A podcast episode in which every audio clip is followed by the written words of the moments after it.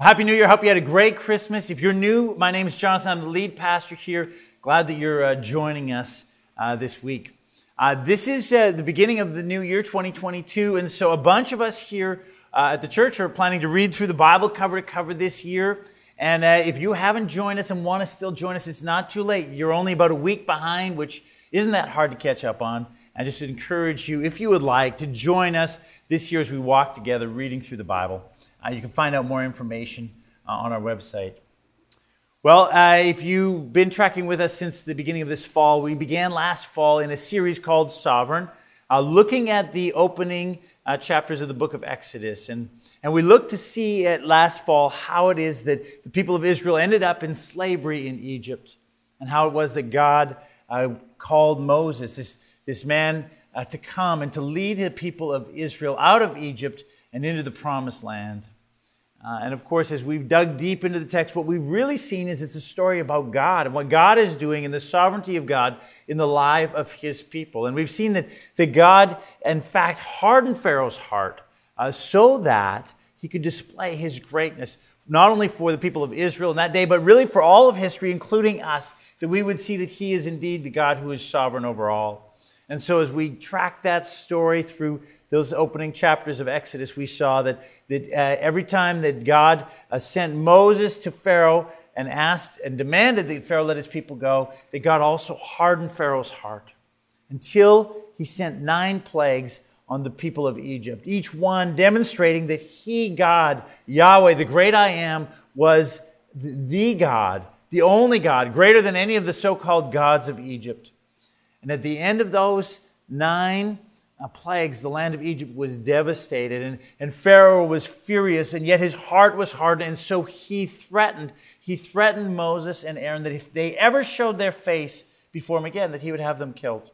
And that's where we left off just before Christmas when we, we turned to, to celebrate Advent. And that's where we want to pick up now as we carry on in this series. And so we want to pick up in uh, Exodus chapter 11. And here's what Here's what is going to happen next. Exodus chapter 11, beginning in verse 1, it says this The Lord said to Moses, Yet one plague more I will bring upon Pharaoh and upon Egypt. Afterwards, he will let you go from here. When he lets you go, he will drive you away completely. Speak now in the hearing of the people that they ask every man his neighbor and every woman of her neighbor for silver and gold jewelry. And the Lord gave people people, the people favor in the sight of the Egyptians. Moreover, the man Moses was very great in the land of Egypt, in the sight of Pharaoh's servants, and in the sight of the people. So Moses said, Thus says the Lord, About midnight I will go out in the midst of Egypt, and every firstborn in the land of Egypt shall die, from the firstborn of Pharaoh who sits on the throne, even to the firstborn of the slave girl who is behind the handmill, and all the firstborn of the cattle. There shall be a great cry throughout all the land of Egypt, such as there has never been, nor ever will be again. But not a dog shall growl against any of the people of Israel, either man or beast. You may know that the Lord makes a distinction between Egypt and Israel. And all these servants, uh, sh- all these, uh, sorry, and all these your servants shall come down to me and bow down to me, saying, Get out, you and all the people who follow you. And after that I will go out. And he went out from Pharaoh in hot anger. Then the Lord said to Moses, Pharaoh will not listen to you that my wonders may be multiplied in the land of Egypt. Moses and Aaron did all these wonders before Pharaoh, and the Lord hardened Pharaoh's heart, and he did not let the people of Israel go. So now God is going to send one more plague on the people of Egypt. He's going to go through the land in the middle of the night, and he is going to kill every firstborn of the people of Egypt and also the firstborn of all of the cattle and it will be the most severe of all the plagues. In fact, it is the one plague that cannot be reversed. It is also the only plague that God Himself is per- personally involved in. Every other plague, He sends either some sort of animal or some force of nature to wreak havoc upon the land of Egypt. But in this case, now God Himself will move through the land and inflict the ultimate punishment on the Egyptians for their sin death. And you know, as we've studied this series, we've talked about the, the, the, sovereignty of God, about, about His sovereignty both in the good times in our life and in the hard times of our life. And there's a certain comfort and a certain assurance that comes from that. And we've seen that He is you know, merciful and gracious, slow to anger, and abounding in love, and incredibly faithful. And, and that is such a beautiful thing to know. But let's never forget that He is also a holy God, a God that, that cannot and will not tolerate sin going unpunished, and that He is a God who will punish sin, and that He expects us to take our own sins seriously and to deal with it. In fact, the writer of Hebrews talks about this very thing, about, about how serious God takes sin in our lives. And here, here's what he writes He says this If we deliberately keep on sinning after we've received the knowledge of the truth, no sacrifice for sins is left, but only a fearful expectation of judgment and of raging fire that will consume the enemies of God. Anyone who rejected the law of Moses died without mercy on the testimony of two or three witnesses. How much more severely do you think someone deserves to be punished who has trampled the Son of God underfoot, who has treated as unholy things the blood of the covenant that sanctified them, and who has insulted the Spirit of grace? For we know him who said, It is mine to avenge, I will repay. And again, the Lord will judge his people. It is a dreadful thing to fall into the hands of the living God. You know, God takes sin and rebellion against him so, so seriously. And now the people of Egypt are going to fall into the hands of the living God. They're going to find that it is an incredibly dreadful thing to happen. You know, when, when we read about this, what God is about to do to the people of Egypt, sometimes people get really angry. How could God do such a thing? And, and they're, they're furious about it. And yet, and yet, at the same time, if God is patient, if God doesn't judge, if God holds back and is merciful, that same group of people often say, well, he, he's just a paper God. His bite is bigger than his, than his bark. He, he, there's obviously no real power in him because he won't do anything. Either way, they write him off. And it's important that we understand who God is by how he reveals himself to us. Not only is he a sovereign God, but he is an utterly holy God. And as we'll see this week and in the next couple of weeks as we sort of finish this series, he has every right to, to do what he deems necessary to punish sin in whatever way he chooses. And ultimately, the punishment for sin is death. And that's why we need something, or, or really someone, who will take our place when it comes to that kind of punishment. And, and, that's what God is now going to do for his people, the people that he has chosen here, the, the, the people of Israel. He is going to provide for them a, a, a substitution, a sacrifice in the form of a lamb who will pay the price for, for them so that their firstborn won't have to die when he comes through the land to kill all of the firstborn. But see, God doesn't just ask the people of Israel to, to just sacrifice a lamb and say, you know, go out, find a lamb, kill it, and here it is. No, no, no. Instead, he asks them to perform a fairly elaborate ceremony in this process of, of of sacrificing the lamb. And that's, it's this, this ceremony or ritual. It's, it's really a liturgy that he is asking them to do because he wants them to always remember what it is that he has done for them and, and who it is that they are. You know, this ceremony uh, that going to ask them to do, we, we call it a liturgy. That's a word that we don't use an awful lot in our world these days, but, but, but it's, it's a very real part of our world, a part of our life. James Smith defines liturgy this way Liturgy is a formative, love shaping ritual. A liturgy is a formative, love shaping ritual. it's a ritual that's performed over and over again, and it forms us and it shapes us, and it causes us to love the, the, the, the thing that it focuses our attention on when it is that we're doing it. Now, let me give you an example. Let me give you an example, help you understand what a liturgy looks like. I, I, I don't know if you've ever been down to a Seattle Seahawks game, a, a, football game down there, but the first time I went, I mean, it was, it was an amazing experience. It was awe inspiring. It was, it was like going to church. I mean, we got up early, we drove there, we parked, we made sure we dressed the right way. In this case, uh, my buddy lent me his, his jersey. Uh, we arrived in what would be like the, the lobby. I mean, we went down to the temple, which would have been the stadium. The lobby was out front. Everyone was like tailgating and then hanging out and, and having food. And I mean, it was like this like group of people who were ready to have this experience together, waiting to enter in. And then, of course, we, we entered in. We gave our, our tickets. We made our way to the seat in the auditorium to, to watch the game. And then there were these these rituals that happened before the game started. There's others during the game, but, but before the game started, one was that we all stood up and sang the national anthem.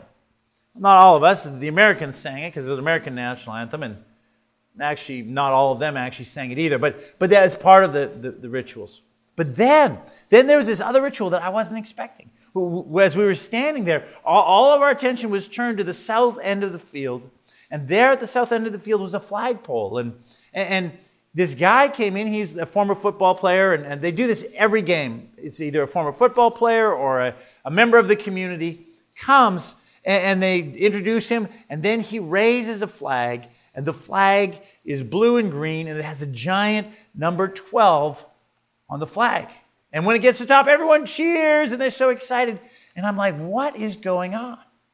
And if you're familiar with American football, there's 11 players on the team uh, on, on the field at, at one time. And, and the, the 12th player is considered the fans. And so when they come in and they raise that flag and everyone looks and cheers, what they're saying is, you, the fans, are the 12th member of the team. What they're saying is, you're important on the team. Your participation, your cheering, your, your enthusiasm, your loyalty, your love, all of those things come with being the 12th player, the 12th. And so they regularly raise this flag. Every game, the same ritual over and over and over again. Because what it, what it says is that you're part of it. And, and it's a kind of a ritual, it's a liturgy that causes you to love the team. And in fact, as the game goes on, there's all kinds of liturgies and all kinds of rituals. It's really, in many ways, like a, like a religious event. Now, I, I'm not trashing it. I love the Seahawks, even though they're playing terribly this year. I cheer for them. It was a great experience. So that, that's not, I'm, I'm not trashing it here. I just want you to understand what a liturgy is. It's not just a religious thing, it is any kind of a ceremony that shapes how you love and how you see things. If you look for it, you'll see it all over the place. I mean, you'll see it when you go into a Starbucks. There's a certain liturgy to, to getting a coffee at Starbucks. You'll see it if you go to the mall. The, the, the mall is, is a very liturgical experience that, that promises you certain things and has these certain things that you do all the time. I mean, just look around for it.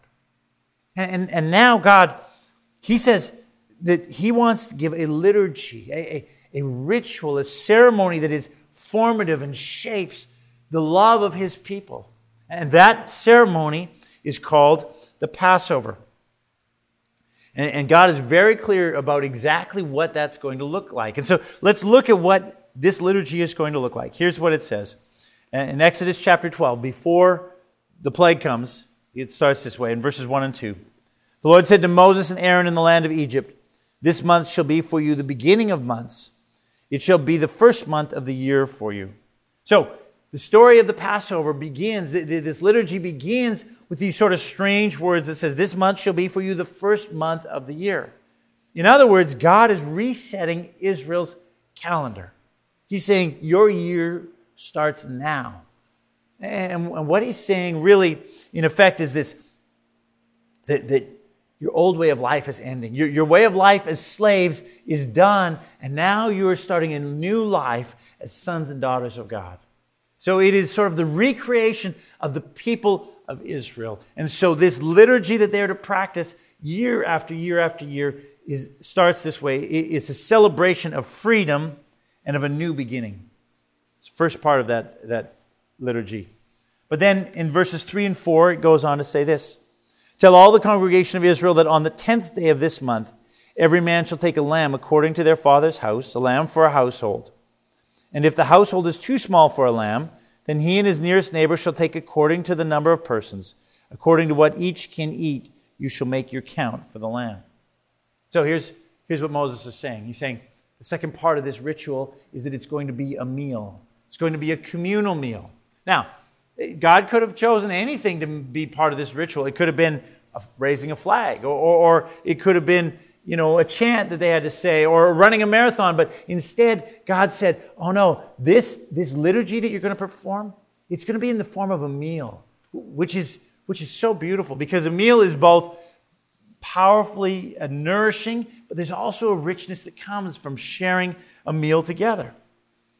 And, uh, and that's why God instructs the Passover to be taken together with others. In fact, in fact, he says it should be done as a family.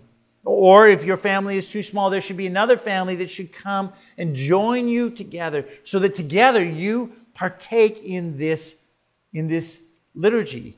Because it's not just about you. The, the salvation that he is about to bring, the, the freedom isn't just for you as an individual. It's not really just about you. It's about together, this corporate group of people, the, the people of God that he is going to save and redeem.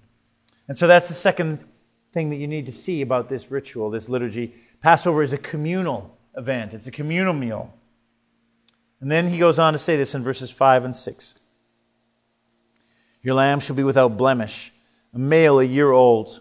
You may take it from the sheep or from the goats, and you shall keep it until the 14th day of the month, when the whole assembly of the congregation of Israel shall kill their lambs at twilight. Now, a, a year old lamb is virtually an, a full grown lamb.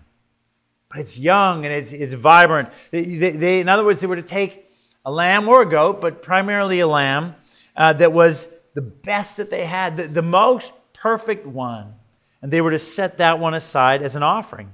In fact, to ensure it was spotless, they were to pick it on the 10th day of the month and they were to leave it sort of publicly out for people to see until the 14th day so that everyone could see that they weren't picking just sort of a, you know, a poor little little lamb in the back, but they were picking the finest lamb that they had. For 4 days it was on public display.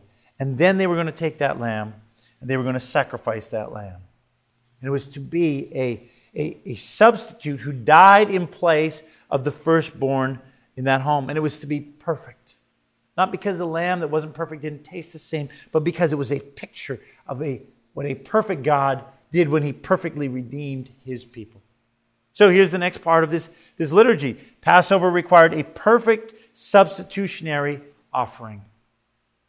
And then in verse 7 goes on to say this Then they shall take some of the blood and put it on the two doorposts and on the lintel of the houses in which they eat the lamb that was to be sacrificed. They were to take that blood and paint it on the doorpost, and the lintel is that, that crossbar at the, at the top of it. Now, there's nothing particularly sacred about the, the, the, the door of a house. It simply was the way that you got in and out of the, of the house.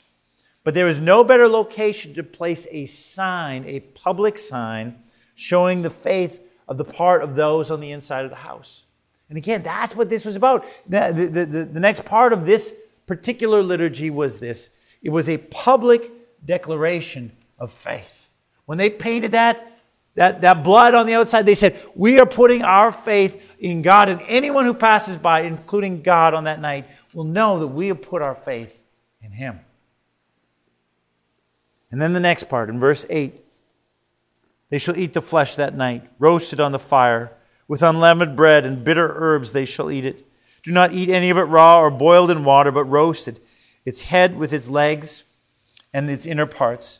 And you shall let none of it remain until the morning. Anything that remains until the morning you shall burn. In this manner you shall eat it, with your belt fastened, your sandals on your feet, and your staff in your hand. And you shall eat it in haste. It is the Lord's Passover. Now, what he tells them is this the meal that you partake in, it should be as simple as possible. No pots and pans, no boiling and cooking, no, no fancy bread with yeast in it. It's just simple, simple. And, and when you're done, no leftovers. If there's leftovers, you burn them so that there isn't any food available for you at breakfast. And in fact, you wear, you wear your sandals and your cloak and your staff. In other words, you're wearing your jacket and your shoes and your bags are packed and you eat it quickly. Why? Why like this? Because because God is now going to set the people free. And he wants them to be ready. But you have to understand that they've heard this before. They, have heard Moses come. He said, well, I'm going to, you know, I'm going to lead the people. And, and then it didn't happen. And God sent all these plagues, nine different plagues. And Pharaoh just hardened his heart. And now God says, oh no. Now is an act of, of, of, of trust in what I'm doing and a willingness to act on the promises that I have, I want you to be ready. To, to dress like it, to eat quickly, to leave nothing for breakfast, because there will be no there will be no breakfast in this place. You will leave in the middle of the night. See, the way that they eat this meal indicates this that Passover is a willingness to act on the promises of God. And then verses 12 and 13 says this For I will pass through the land of Egypt that night, and I will strike all the firstborn in the land of Egypt, both man and beast, and on all the gods of Egypt I will execute judgments. I am the Lord. The blood shall be a sign for you on the houses where you are. And when I see the blood, I will pass over you, and no plague will befall you to destroy you when I strike the land of Egypt. God is going to pass through the land, and He is going to kill every firstborn in every household in that entire land, unless, unless the, the blood is painted on those doorposts. So that means that if an Israelite family had not painted on the doorpost when the, when the lamb, uh, with the, the lamb's blood, God would have killed the firstborn of the Israelites too. You see, it was on the basis of the blood that was shed and on the basis of the faith that they put on, put in God, that God would pass over that house. You see, when God says, I will see the blood and I will pass over you, what he's saying is, I will spare those who put their faith in me. So again, if you to participate in the Passover, it was an act of utter faith in God. It was, a, it was an act of total faith and trust in God. That God would leave your firstborn child that you love so deeply that he would not kill that child based solely upon the fact that you sacrificed a lamb and put the blood on, on, on the posts of your door. I mean, that's faith. That's trust in God. And that's what, what the Passover is all about. That it's an act of faith. So, so th- this is the liturgy that God calls the people of Israel to, to have. He, he calls them to, to, to repeat this, this liturgy over and over to form and to shape how they think, how they understand. That, that, that it's a celebration of freedom and, and, and of new starting. It, it's this communal meal together that requires them to understand that that it's together that God has saved them, and, and that it's because of the perfect substitutionary act of this lamb, this offering. And it's a public declaration of faith and a willingness to be obedient to the, the promises of God.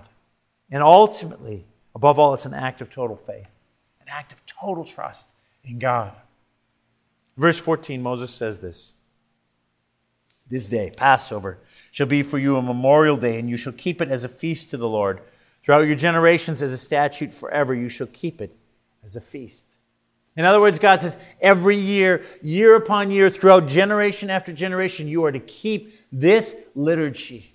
You are to repeat it over and over and over so that not only you who experience this, but your children and their children, and for generations after, their children understand what it is that I did. And not only remember it, but it shapes who they are. It gives them their sense of identity. They once were slaves, but now they are free and they were due punishment, but it was paid for them because of the perfect substitution of another lamb. That, that's what Passover is all about. It's practiced not always regularly, but fairly regularly throughout the history of, of the people of Israel until the day of Jesus. And in Jesus' day, it was again practiced. Uh, in, in his day, as, as a liturgy. But what, what's fascinating, what's so important for us is, is that in that day, Jesus took the Passover. And not only did he fulfill all that the Passover was about, was about, but out of the Passover, he instilled, he instituted another liturgy, a liturgy for us who are followers of Jesus. And that liturgy likewise is meant to be practiced regularly and is meant likewise to shape and to form us, not only to remember what it is that Jesus had done, but also to shape who we are as a people. Now, it, that, that is, uh, of course, what we call the Lord's Supper or, or communion.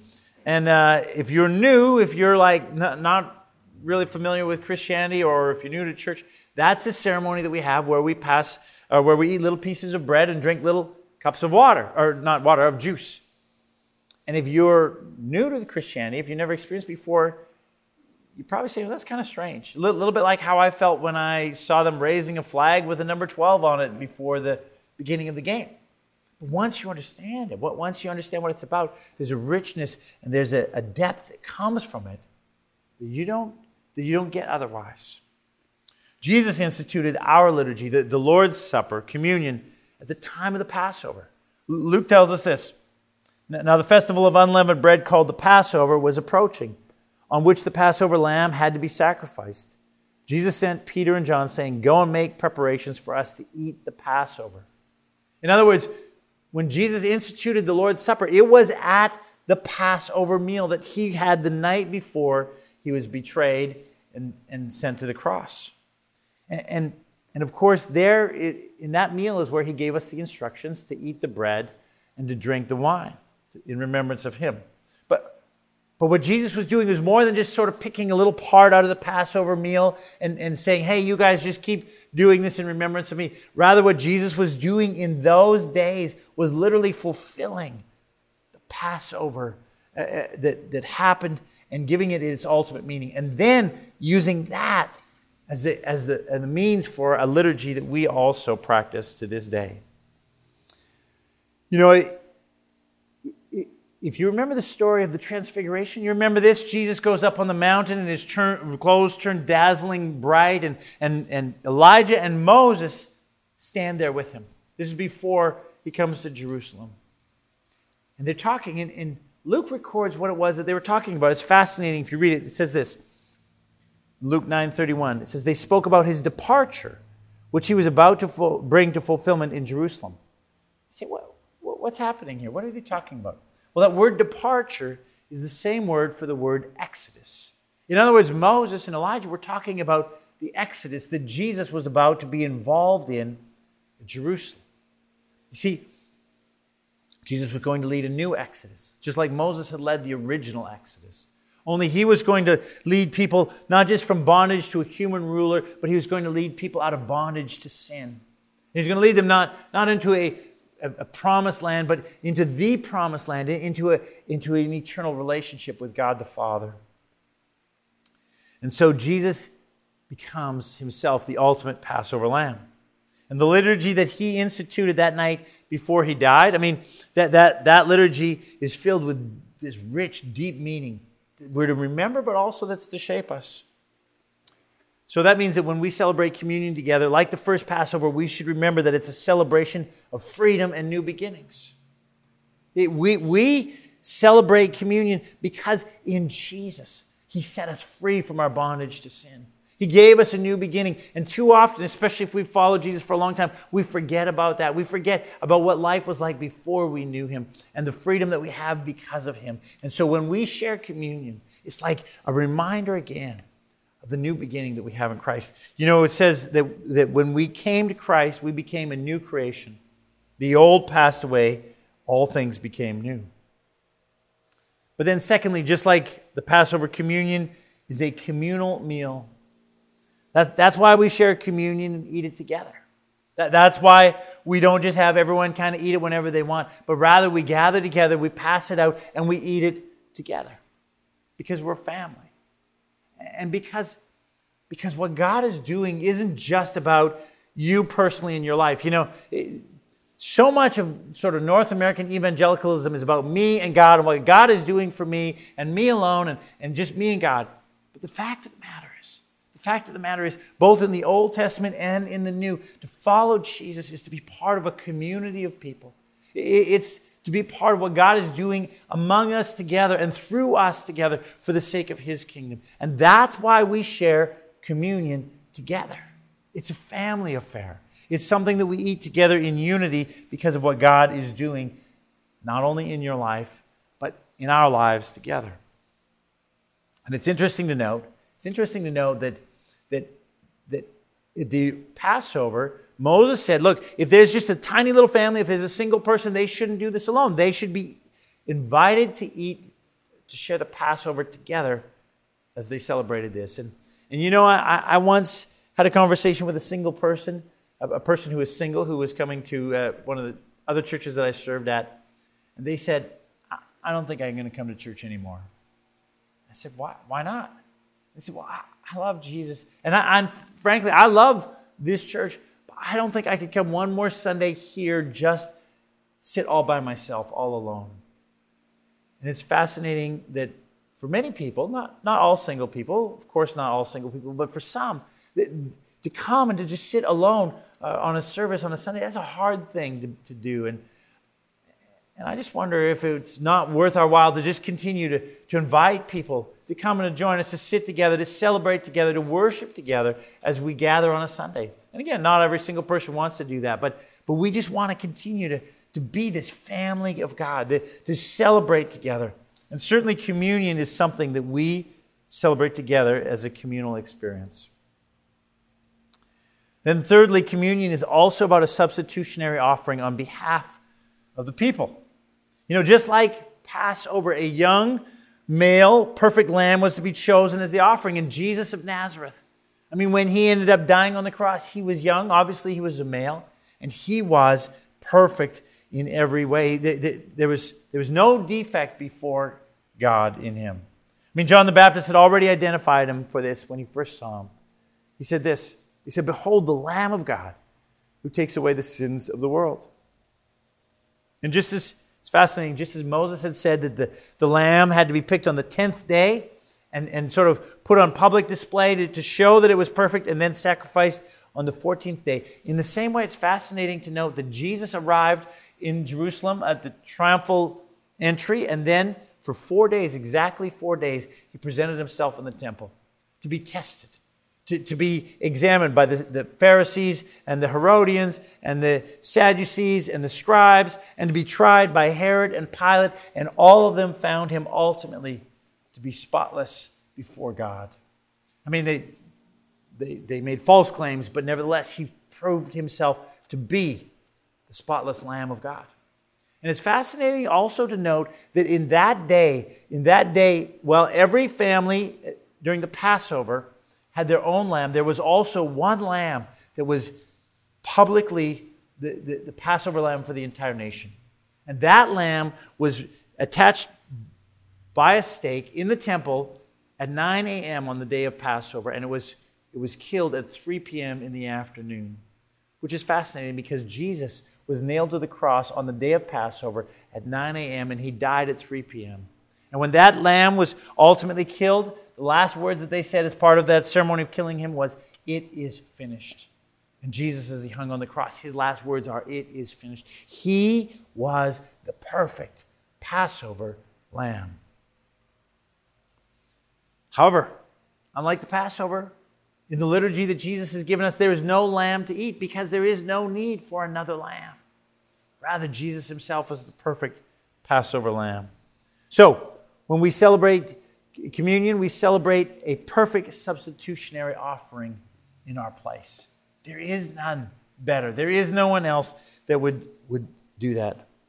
You know, when you partake in communion, you need to remember that it is a dreadful thing to fall into the hands of the living God.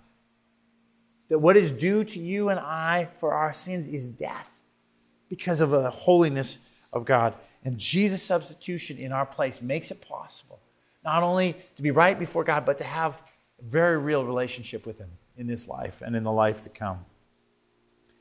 And then, like Passover communion, is a public declaration of our faith. Just as they painted the blood on the doorpost, when we participate in communion, we participate together with others, publicly identifying ourselves with one another, saying, You're following Jesus, you're taking communion, me too. And that's why when we share communion, we ask those who don't follow Jesus, who happen to be with us, if they wouldn't mind to just pass it by because it says publicly, I, I follow Jesus. I, I am part of, of this thing that Jesus is doing in the world around us. And then it's also a willingness, communion is also a willingness to act on the promises of God. You know, just as the Israelites dressed to be ready to go, ready to move, the moment God said, now, go, go. In the same way, when we partake in communion, we need to be willing to act on the promises of God as soon as He calls us to. You know, I had a conversation not long ago with someone who asked me, like, what if I come to communion and there's sin in my life? Should I, should I still partake in communion? And the answer is yes, of course. Of course, you should still partake in communion because the expectation is that when you come to communion, that if there is sin in your life, that you repent, that you confess it. You don't say, "Well, I have sin in my life, so I'm just gonna I'm gonna pass it by and maybe next time." No, no, no. You're in a covenant relationship with God.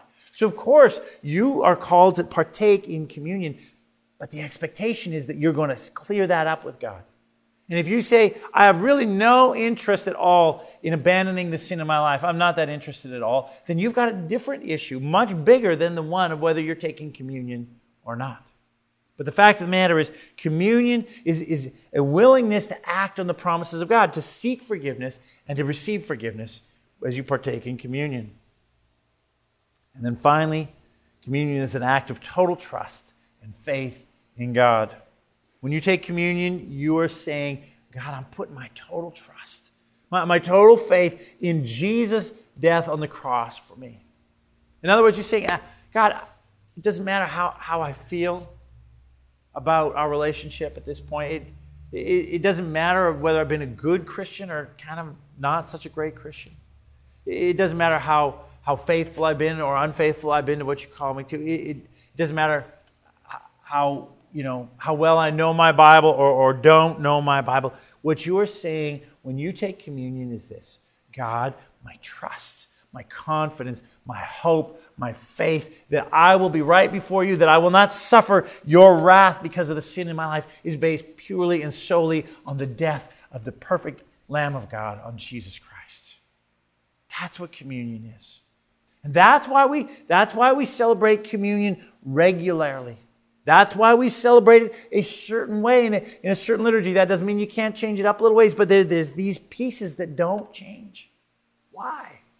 Why? Because, because communion is not only an act of remembrance, but it's a way of shaping who we are. It's a way of shaping us corporately and individually and saying, this is who you are. This is your identity.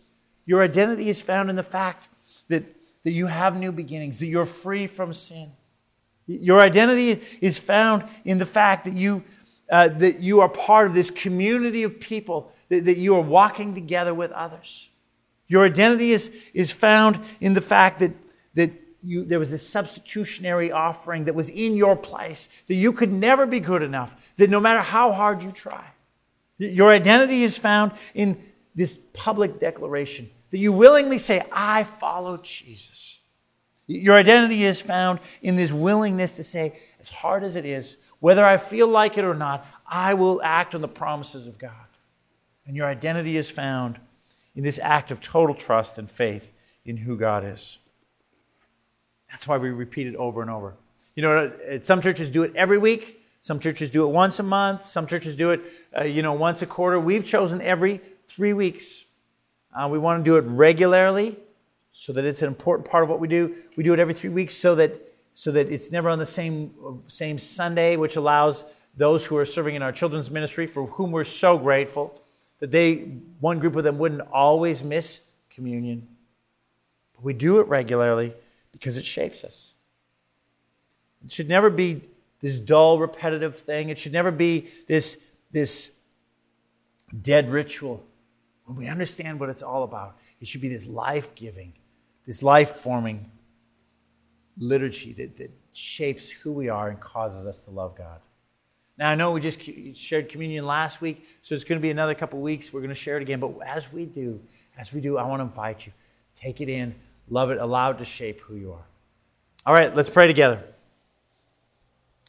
God, I thank you. I, I praise you that you, that you are God who redeems your people, that you are God who rescues your people, that you are God who gives new life to your people but that you're also holy God, and therefore you punish sin. And so, Father, we thank you for what you did by rescuing the people of, of, of Israel from the land of Egypt, but even more, God, for, by rescuing us from our sins. And God, we bless you for what Jesus has done. And Lord, we thank you for the liturgy in our life that just gives us identity and reminds us of what you've done and forms us and shapes us. Lord, may we never lose sight of that. May we live in the wholeness of what it is that you have done. And Father, may you shape us into the people that you call us to be. For your name's sake, for your glory, we pray it in Jesus' name. Amen.